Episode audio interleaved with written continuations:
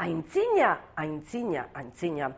Hau da, gauza guztiek izketan zekiten garaiean, animaliek, landarek, bizidunak izketan zekiten garaiean, ardiek ibiltzen ziren balarretan da mendian bere kabuz, inoren esanetara. Tan ondo moldatzen ziren, hm. baina egun batean, bazi joazten, tipitapa, tipitapa, tipitapa, mendian barrena, belarra jateko asmoarekin, belar berde mordo baten aurrean aurkitu, aboa ireki, eta belarra jatera joaztela? Belarra? Kantuan hasi zitzaien. Aurrera goxoago, aurrera goxoago. Ardiek hori entzun eta mm, aurrera bagoaz belarra goxo egongo da. Eta hori egin zuten aurrera jo tipitapa, tipitapa, eta berriro, belar berde mordo goxo baten aurrean aurkitu. Belarra jateko asmoarekin, hau ireki zutenean, eta koske egitera zijoaztela, belarra kantuan ari zitzaien. Aurrera goxoago, aurrera goxoago.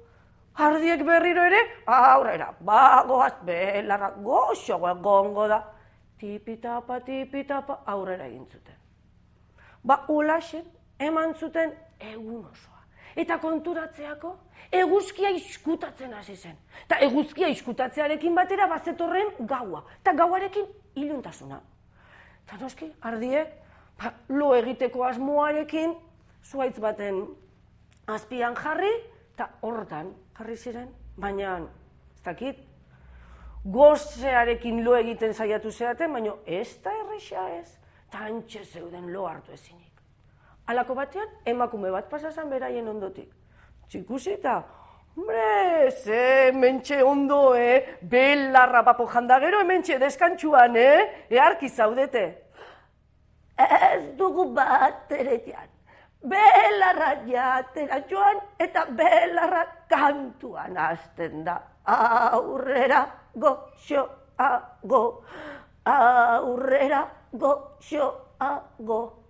Emakumeak hori entzun eta hortan aldabil belarra. Bihar, berdin jarraitzen badu, zuek erantzun. Eta belarrira sekretua kontatu urrengo goizian, ja zertxo bat loinda gero, lehenengo eguzkizpiarekin batera, ardiak azkeneko indarrekin, altxa eta belarra jatera joan ziren, tipitapa, tipitapa, belar murdo baten aurrean aurkitu.